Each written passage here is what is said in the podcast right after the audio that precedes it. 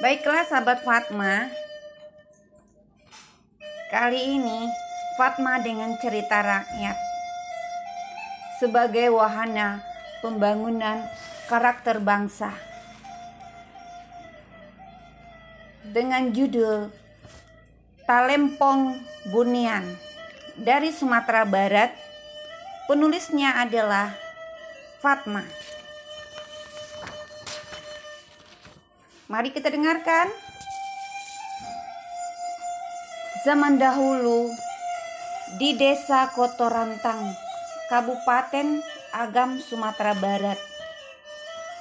Lingkungan desa penduduknya beragama Islam.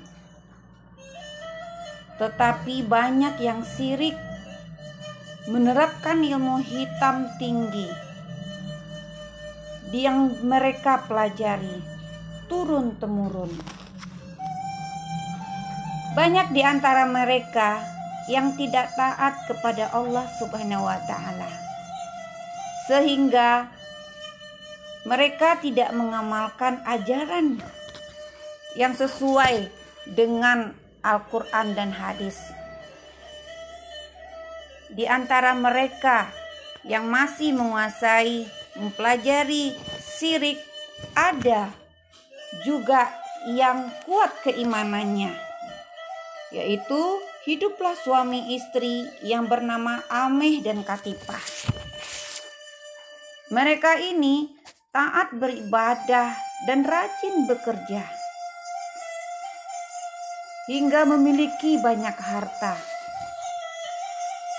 Ame dan Katipah punya anak perempuan berjumlah enam orang. Lima dari anak mereka selalu meninggal dunia saat usia remaja karena sakit perut termakan racun. Akibat perbuatan warga yang memiliki sifat iri dan dengki melihat keberhasilan keduanya. Anak Ameh keenam bernama Putih Bungsu yang dijaga benar oleh Ame dan Katipah supaya tidak terulang kejadian yang menimpa lima orang anak mereka sebelumnya. Letak desa dalam lembah dikelilingi hutan bukit barisan, tempat perlintasan binatang buas, yaitu harimau, Suhu udara yang dingin menusuk sampai ke tulang. Airnya dingin seperti es. Sinar matahari akan terasa panas di saat pukul 9 pagi sampai pukul 15 sore. Pada pukul 17 sore, cuaca mulai terasa dingin. Apalagi malam hari Pemerintahan desanya mempunyai aturan yang selalu berpegang kepada agama dan adat istiadat. Sumpah masih berlaku. Begitu juga dengan bicara tidak boleh sombong, takabur, bisa diterkam harimau.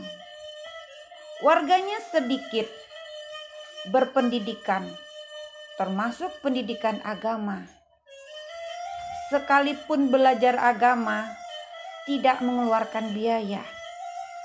Warga lebih suka berguru ilmu silat, karate, penjagaan diri, penerima ilmu hitam, pegangan leluhur, yaitu memegang racun, biriang, gas yang tangkura, santuang palalai, si jundai dan tujuh.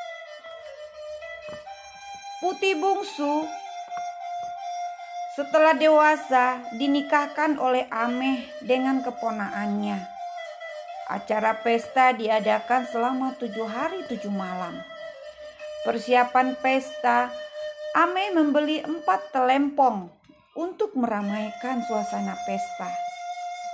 Tujuh hari sebelum acara pernikahan, telempong Ame dipinjam oleh seorang hutan bunian.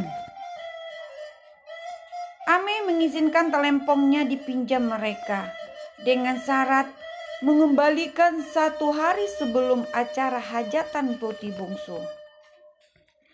Orang hutan bunian berjanji meminjamkan sembilan telempong dari hutan bunian.